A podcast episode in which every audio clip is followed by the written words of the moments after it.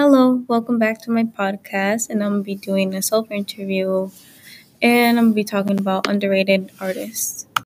So, there's a lot of underrated artists that I love so much. Um, for example, Ebon Lurks.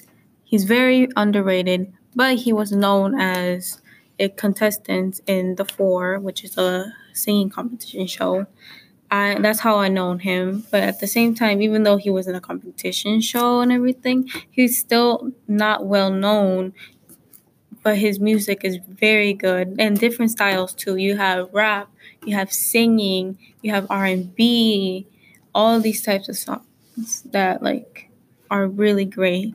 Another singer that I love who is also underrated is Conan Gray. He has like that very chill, vibey type of music. And I like both of them very much. They're my one two top favorite artists of all time.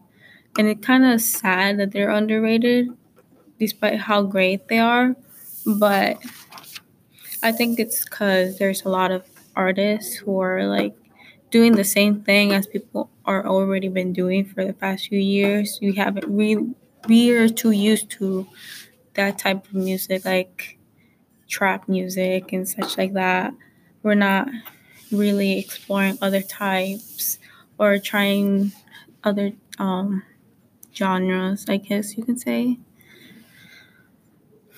Um, an artist I think that could become the next big thing could be Ebon Lurk, cause I mean, right now he's been doing really good lately like more people knowing him, more people are listening to him, especially after his cover song Congratulations by Post Malone that made him become even more famous. That that's great, I guess.